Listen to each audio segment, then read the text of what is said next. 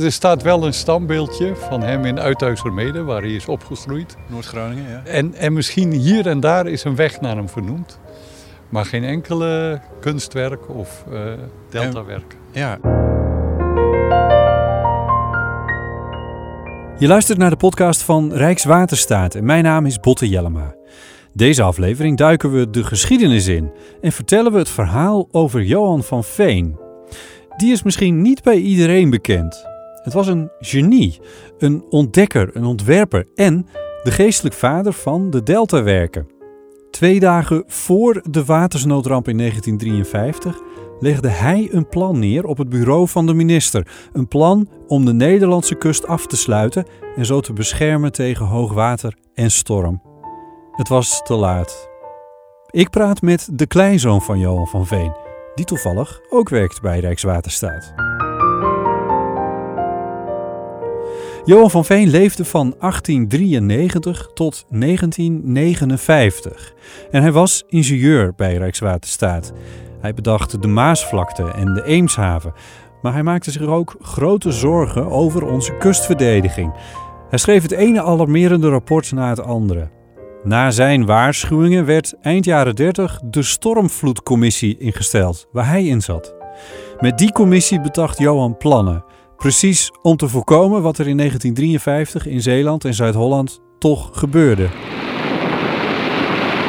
De ramp van 1953 heeft de stoot gegeven tot het ontwerpen van het zogenaamde Deltaplan. Gigantisch waterstaatkundig project dat ten doel heeft de zeearmen tussen Nieuwe Waterweg en Westerschelde af te sluiten. Na de watersnoodramp van 1953 werd een Deltacommissie ingesteld waar Johan van Veen deel van uitmaakte. Door zijn jarenlange werk konden direct twee adviezen worden uitgebracht, waaronder de bescherming van de Hollandse IJssel tegen stormvloeden. Als de wet ook de Eerste Kamer gepasseerd is, zal het grote deltawerk met kracht kunnen worden voortgezet. Want er is reeds een begin gemaakt, onder andere bij Krimpen aan de IJssel waar de werkzaamheden aan een stormvloedkering van reusachtige afmetingen al een flink eind gevorderd zijn. In 1954 werd al begonnen met de bouw van de Hollandse IJsselkering. Johan van Veen moet daar met genoegen naar hebben gekeken. In het najaar van 58 werd hij in gebruik genomen, en nog steeds sluit deze kering zo'n vijf keer per jaar. En geloof het of niet, maar waar menig ingenieur van Rijkswaterstaat een brug, een sluis of een viaduct naar zich vernoemd kreeg, en ingenieur Lely zelfs een complete stad, bleef Johan van Veen, de geestelijk vader van de Nederlandse deltawerker, een grote onbekende met slechts een klein borstbeeld in zijn geboorteplaats in Noordoost-Groningen. Uh, ja, dat is de Hollandse ezelkering. Ja.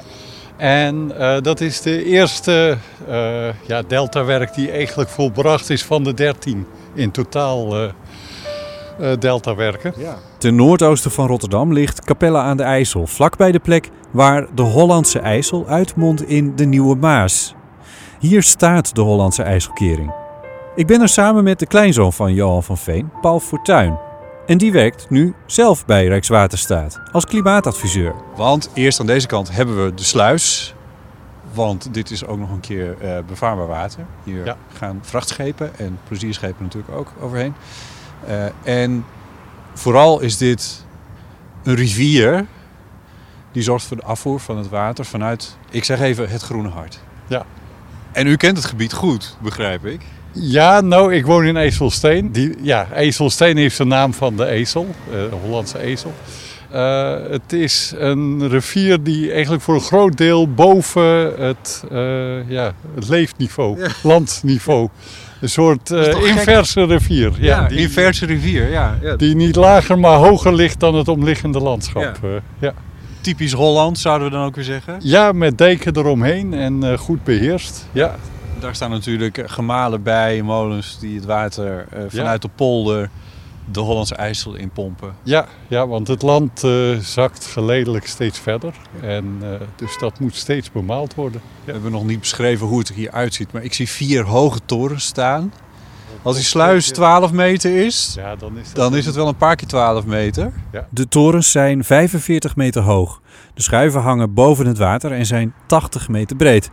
Het eerste stukje van de Nederlandse deltawerker. Bedacht door de opa van Paul Fortuin, Johan van Veen. Een visionair waterbouwkundige die wist dat de ramp van 53 kon gebeuren. Eigenlijk heel veel voorwerk was al gedaan uh, die de basis vormde voor een deltaplan. Ja. Uh, en hij had een dergelijke plan. Hij had een snelle en een langzame plan. Had hij twee dagen voor de watersnood had hij ingediend. En uh, ja, het is wonderlijk dat een paar dagen daarna ook echt dat ramp voltrok. En direct daarna heeft men besloten om uh, met deze deltaplannen verder te gaan. En is de Delta-commissie opgericht, waar hij dan secretaris van was. Dat is, dat is natuurlijk een, een heel gek idee van de ramp voltrekt zich. En de oplossing ervoor ligt al in de kast. Ja, ja het lag letterlijk in de kast. En toen zei hij ook, dat zei mijn moeder, nu zul je merken, nu gaat het gebeuren, zei hij. Door de oorlog en omdat er voor de wederopbouw ook veel geld nodig was, waren de plannen blijven liggen. In die tijd was het voorspellen en bepalen van stromingen erg moeilijk, omdat het rekenwerk daarvoor nog niet door computers kon worden gedaan. Uh, dat kon op een paar manieren. Enerzijds met klassieke formules van Lorentz. Maar uh, ja, om een rivier en de uh, getijdenbewegingen door te rekenen, daar waren ze maanden mee bezig. Ja. anderzijds had je het waterloopkundig laboratorium in Delft. Uh, daar was professor Thees hoofd van. En ja, die predikte natuurlijk weer dat dat de beste oplossing was. Dus... Het was Johan van Veen niet goed genoeg. Hij ontwikkelde een soort analoge computer voor stromingsberekeningen. Uh, hij heeft een soort analogon, noemde hij dat. met spoelen en condensatoren en wisselstroom kon hij op een gegeven moment uh, in samenwerking met een paar uh, ja, elektrische experts, ja. uh, konden ze heel goed de stromingen simuleren. Uiteindelijk werd het een enorme computer die hele kamers vol stond. De Deltar. de Deltar heette dat. Um, en die heeft ja, eigenlijk voor de Delta-werken hele belangrijke ja, simulaties gedaan. Dat was nog voordat de digitale computer ja. er was. Maar, maar hij werkte met Ik bedoel, tegenwoordig zouden we zeggen: ja, iemand kan, begrijpt water en is daarmee aan de slag. En iemand anders weet computers. Maar hij deed, hij deed dat gewoon allebei. Ja, ja, dus dat is wel het bijzondere, vind ik. Dat hij op vele fronten, uh, ja, hij had enorme brede uh, belangstelling. Het moest en het zou, want hij, hij wilde het land beschermen tegen het water. En als hij daar een computer voor nodig had, dan ging hij hier gewoon uit. Ja, hij zag dat uh, waterloopkundig laboratorium, ja, dat had zijn beperkingen. dat doorrekenen, ja, en dat doorrekenen, dat duurde te lang. En dit was een hele snelle oplossing. Hij wist dat de Zeeuwse zeearmen de Nederlandse kustverdediging zwak maakten. Het was een te groot gebied met te veel dijken en dijkjes. En dus was het beter om die zeearmen af te sluiten. Dat is uiteindelijk gebeurd met de deltawerken. Maar dat kon volgens Johan ook nog op een andere manier, die erg tot de verbeelding spreekt. Dat was een heel groot plan. Hij durfde het ook bijna niet te noemen. Uh, dat was het zogenaamde verlandingsplan. Uh, waar je vooral de natuur zijn gang laat gaan en vooral een handje helpt. Zijn idee was om een grote geul aan te houden dwars door Zeeland, die door de getijdenwerking open zou blijven. De andere? Uh, die gaan langzaam dichtslippen. Uh, waar je op volkomen natuurlijke wijze eigenlijk een dichte kust, dan gaan die zeearmen die dichten zich. Dus je en, gaat eerst naar een soort waddengebied en daarna ja. naar een soort duingebied. Ja, ja, ja. En dan is het eigenlijk hoe Nederland er rond het jaar 1000, uh, toen was dat een gesloten kust. Ja.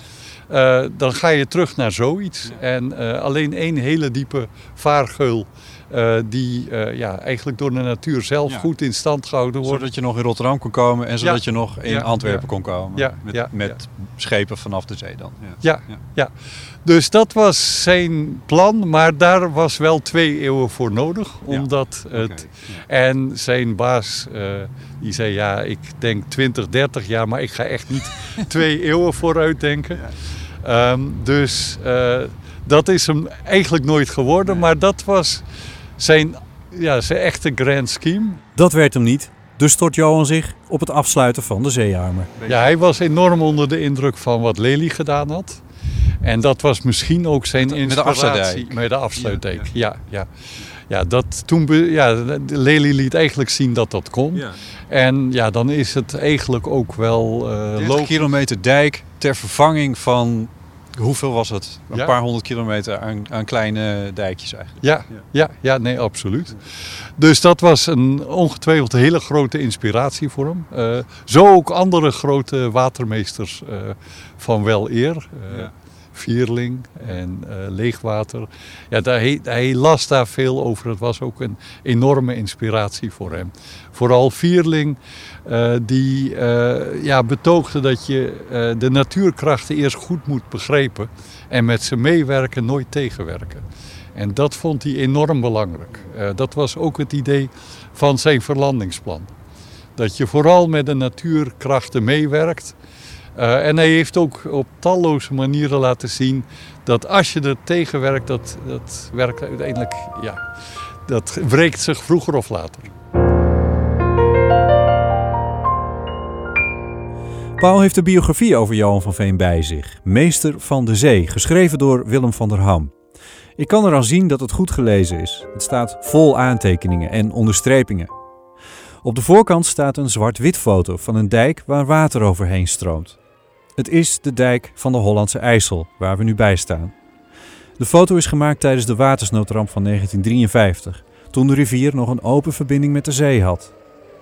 Deze foto staat niet voor niets op het boek over Johan van Veen. Bij Capelle in West-Brabant stonden de militairen voor een praktisch onuitvoerbare taak. Hier had het water zulke enorme bressen in de dijken geslagen dat er geen houden meer aan was.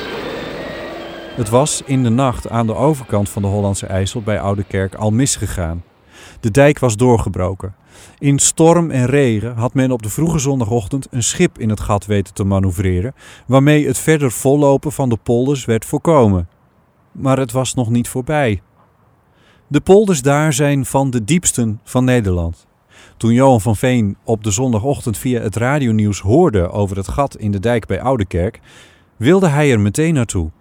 Want hij wist hoe zwak de dijken van de Hollandse IJssel waren en dat de zee het water daar hoog in kan opstuwen.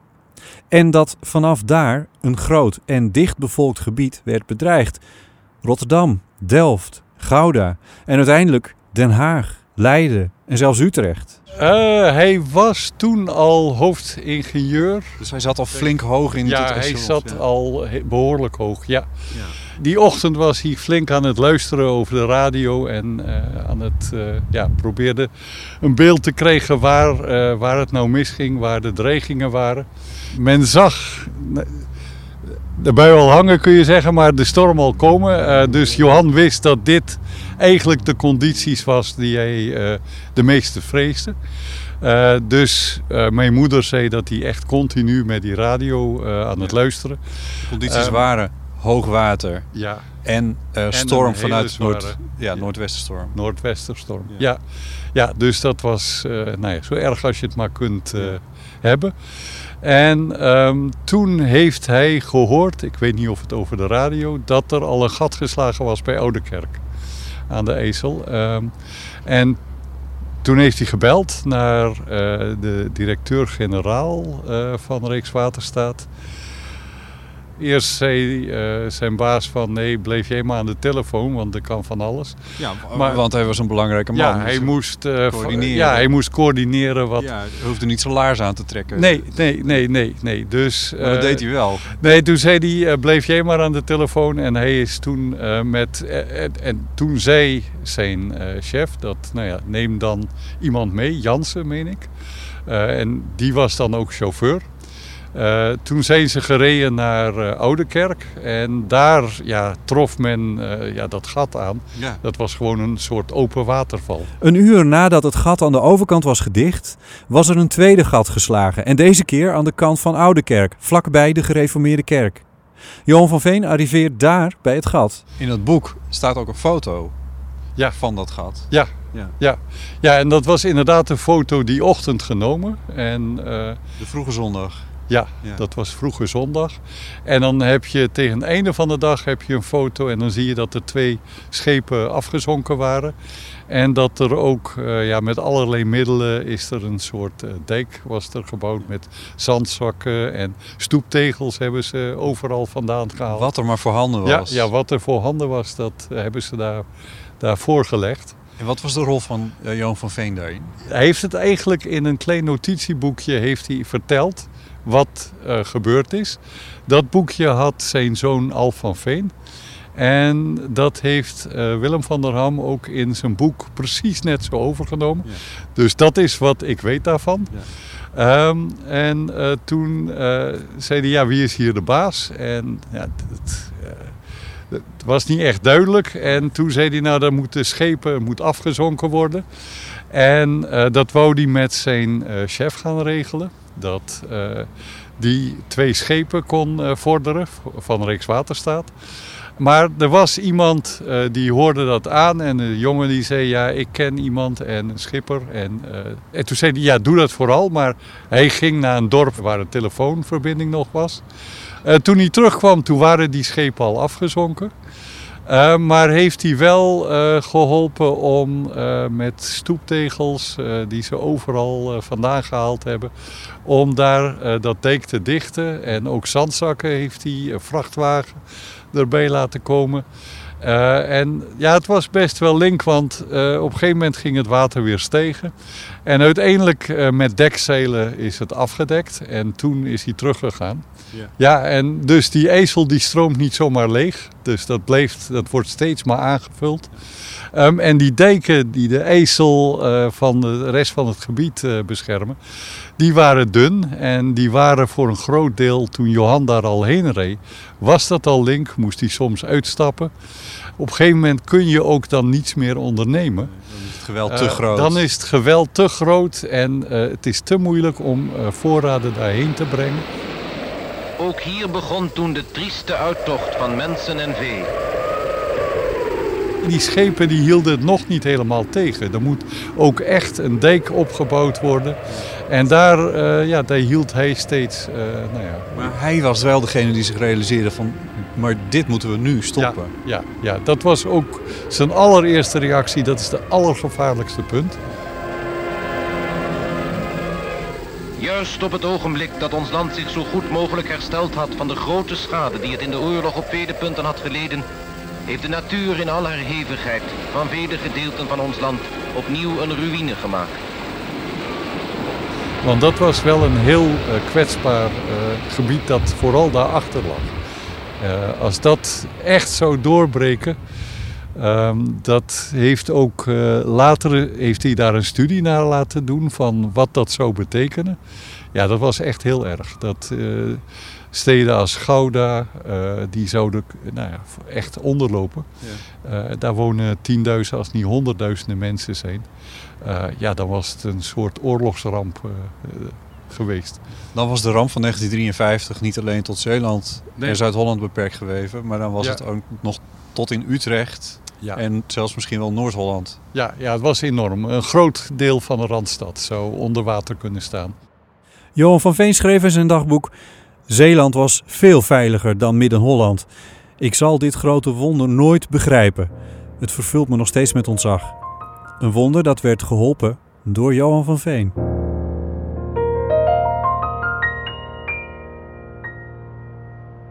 Stapels plannen maakte Johan van Veen soms tot gekmakers toe bij zijn bazen. Om niet in de problemen te komen, publiceerde hij soms zijn onheilsvoorspellingen onder het pseudoniem Cassandra.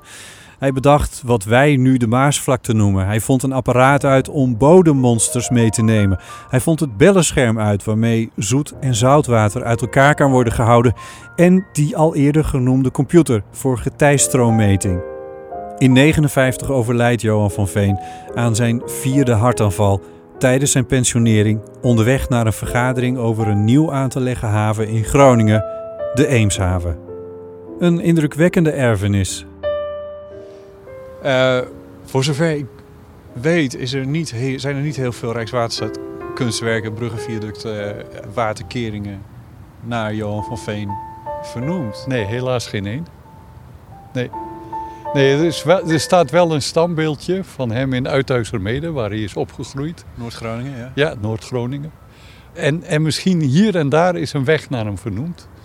Maar geen enkele uh, kunstwerk of uh, ja, deltawerk. Ja, en waar, hoe komt dat? Uh, ja, dat weet ik niet helemaal zeker. Wat misschien speelde is, hij was een heel bescheiden man. En hij uh, was ook niet zo politiek, diplomatiek, zeg maar. Dat was niet echt zijn spel. Hij was vooral analytisch. En als dingen maar gebeurden, dan was hij al lang blij. ik denk dat hij zocht ook niet naamsbekendheid. Hij wou vooral dat zijn ideeën doorgang vonden. Want hij wist heel zeker dat zijn ideeën de beste waren. Uh, en het was voor hem een eindeloze frustratie om andere mensen ervan te overtuigen. Maar uh, nee, hij sloeg nooit op de trommel. En hij had nooit de in, politieke invloed die uh, iemand als Lely had. Die werd minister. ja, dan kun je ook hele werken, stad naar jezelf ja. Uh, nou ja, niet naar hem, dat heeft hij waarschijnlijk, maar dat is dan naar hem vernoemd. Ja. En standbeelden overal. Uh, maar Johan was daar nooit, uh, had daar nooit de geaardheid voor. Nee. Ja, hij vond naamsbekendheid vond hij eigenlijk ja, van secundair belang. Ja. Hij was aan het einde van zijn leven eigenlijk heel tevreden dat de meeste van zijn ideeën gerealiseerd waren. Ja. En, maar ja, het grote publiek weet dat echt niet. Nee. Uh, dat hij toch op vele fronten een grote rol heeft gespeeld.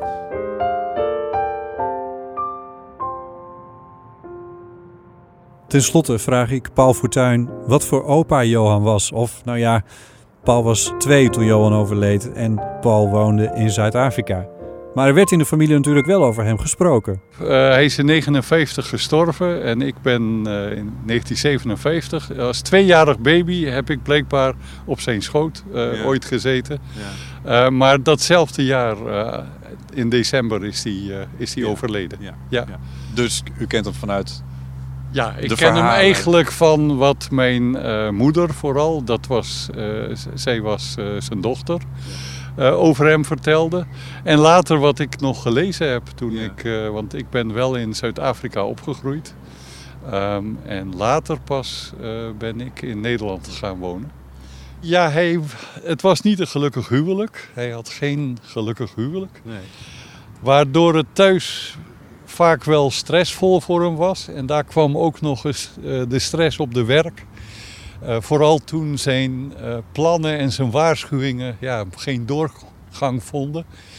En hij had dan ook een aantal hartaanvallen. De vierde hartaanval was noodlottig ja. voor hem. Um, maar uh, ja, van verhalen van zijn zoon Alf en mijn moeder Anja weet ik dat hij ja, vooral als hij ze meenam op uh, expedities, uh, monitoring, of dan ging hij naar de Waddengebieden. Um, dan was hij ja, bijna een ander man, was hij heel gelukkig. Ja.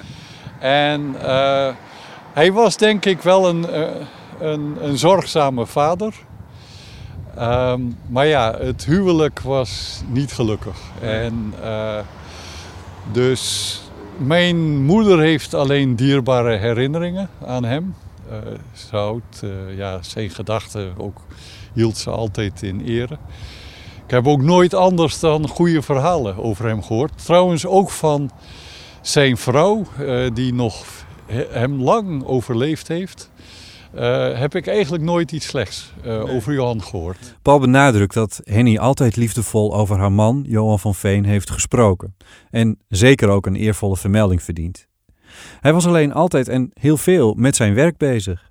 En dat vond de familie ook interessant. Bijvoorbeeld uh, kwamen mensen bij hem op bezoek en dan gingen ze werken aan die analogon. En dat vond de familie heel spannend. Uh, dan waren ze echt met circuits bezig. Futuristisch ja, ja, ja, en dat was heel spannend. En uh, Marianne die heeft daar leuke verhalen over verteld. Van een lange, magere man. Uh, de heer Katz, die dan ja, heel beetje bizar handelde. Maar Johan vond hem geniaal. Dus hij wist de juiste mensen ook te vinden. En uh, ja, al gaande is zo uh, die analogon verder ontwikkeld. Ja. Tot een heel bruikbaar instrument. Ja. Wat, wat zou hij ervan gevonden hebben dat, dat nu zijn kleinzoon ook werkend bij Rijkswaterstaat acht, veilig achter de dijken, zijn dijken, zijn waterkeringen staat? Ja. Bij de Hollandse IJsselkering. Uh, waarschijnlijk vindt hij het leuk. Uh, het is voor mij ook een grote inspiratie om zo'n opa te hebben natuurlijk. Ja, um, ja hij was toch, uh, dat zei mijn moeder, het stond ook in het boek. Later, wij, mijn ouders die zijn toen voor een vakantie in 1959 naar Nederland gegaan. Toen was hij net met pensioen. En uh, toen was hij, uh, ja, had hij, toonde hij spijt dat hij zo weinig tijd voor de familie had. Um, en hij was blijkbaar ook geëmotioneerd door die twee babytjes. Mijn zus die is ja, anderhalf jaar ouder dan ik. Die, dat waren dan de eerste kleinkinderen zo'n beetje. Ja, dus hij heeft me wel even kunnen zien. ja, ik denk dat hij het prachtig zou vinden. In ieder geval wat er gebeurd is met Nederland. Ja. Hoe mooi de deltawerken erbij liggen. Ja, misschien jammer dat ik niet ook in een soortgelijke richting. Ik ben wel Nou, in een andere discipline. Maar Ja. ik denk dat hij het leuk vindt dat, eh, dat ik ook voor eh, Rijkswaterstaat eh, nou ja, ook Ja. weer eh, bezig ben. En Ja. ik probeer het ook maar op mijn manier wat nuttig Ja. t- Ja, wat- hoe is dat voor jou? Om, om voor Rijkswaterstaat te werken. ja, met, met, met, met zo'n opa hebbende. Ja, ach, meestal komt het niet ter sprake. En je, ja, je hebt het druk. Ja, Uh, maar wat ik wel merk, dat sommige mensen, ja, daar is hij wel bekend. Ja, het gaat ook niet snel over hem natuurlijk. Nee. Ik, eh, ja, een paar mensen weten dat ik de kleinzoon ben. Eh, ja, en een paar die kunnen Johan van Veen eh, ook echt naar waarde schatten. Die vinden dat dan ook heel bijzonder. Maar het is vooral iets wat ik stil in me draag, meestal. Ik heb wel mijn afdeling waar ik werk, heb ik op de hoogte gebracht. Er is nu bijvoorbeeld een stichting Blauwe Leen. En die gaat eh, alle personen die hebben bijgedragen aan de Deltawerken gaan ze in beeld brengen. Beginnend met Johan van Veen. En eh, dit jaar wordt dan ook het Johan van Veenjaar. En eh, ja, daar wil men ook eh, werken eh, of voor elkaar krijgen dat er een, een standbeeld geplaatst van hem gaat worden. En En in Capelle, hè? ja, aan Capelle aan de Ezel, ja, daar lijkt de gemeente is welwillend. Er moet nog financiering gevonden worden. Ehm, dus dat is allemaal nu, gaat van start. Hopelijk komt er ook een documentaire. En het is heel mooi dat er nu een podcast over hem komt. Ja. Dus dat past wel mooi in dit jaar eh, van Johan van Veen. Want ja, het is nu, eh, wat zal het zijn? In 59 is hij overleden, dus eh, ja, Dat is 60 jaar geleden. 60 jaar geleden. Ja, Toch? Ja, 60. ja toch wel hè? Ja. Ja, 60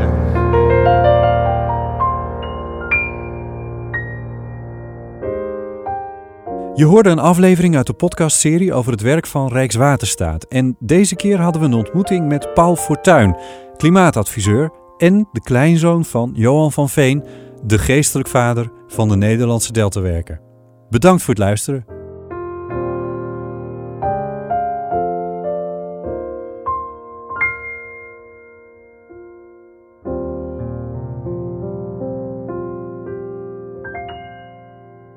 Als je deze aflevering leuk of interessant vond, deel hem dan met vrienden, familie en collega's. Of schrijf een recensie in iTunes, zodat anderen deze serie ook kunnen ontdekken. Alvast bedankt.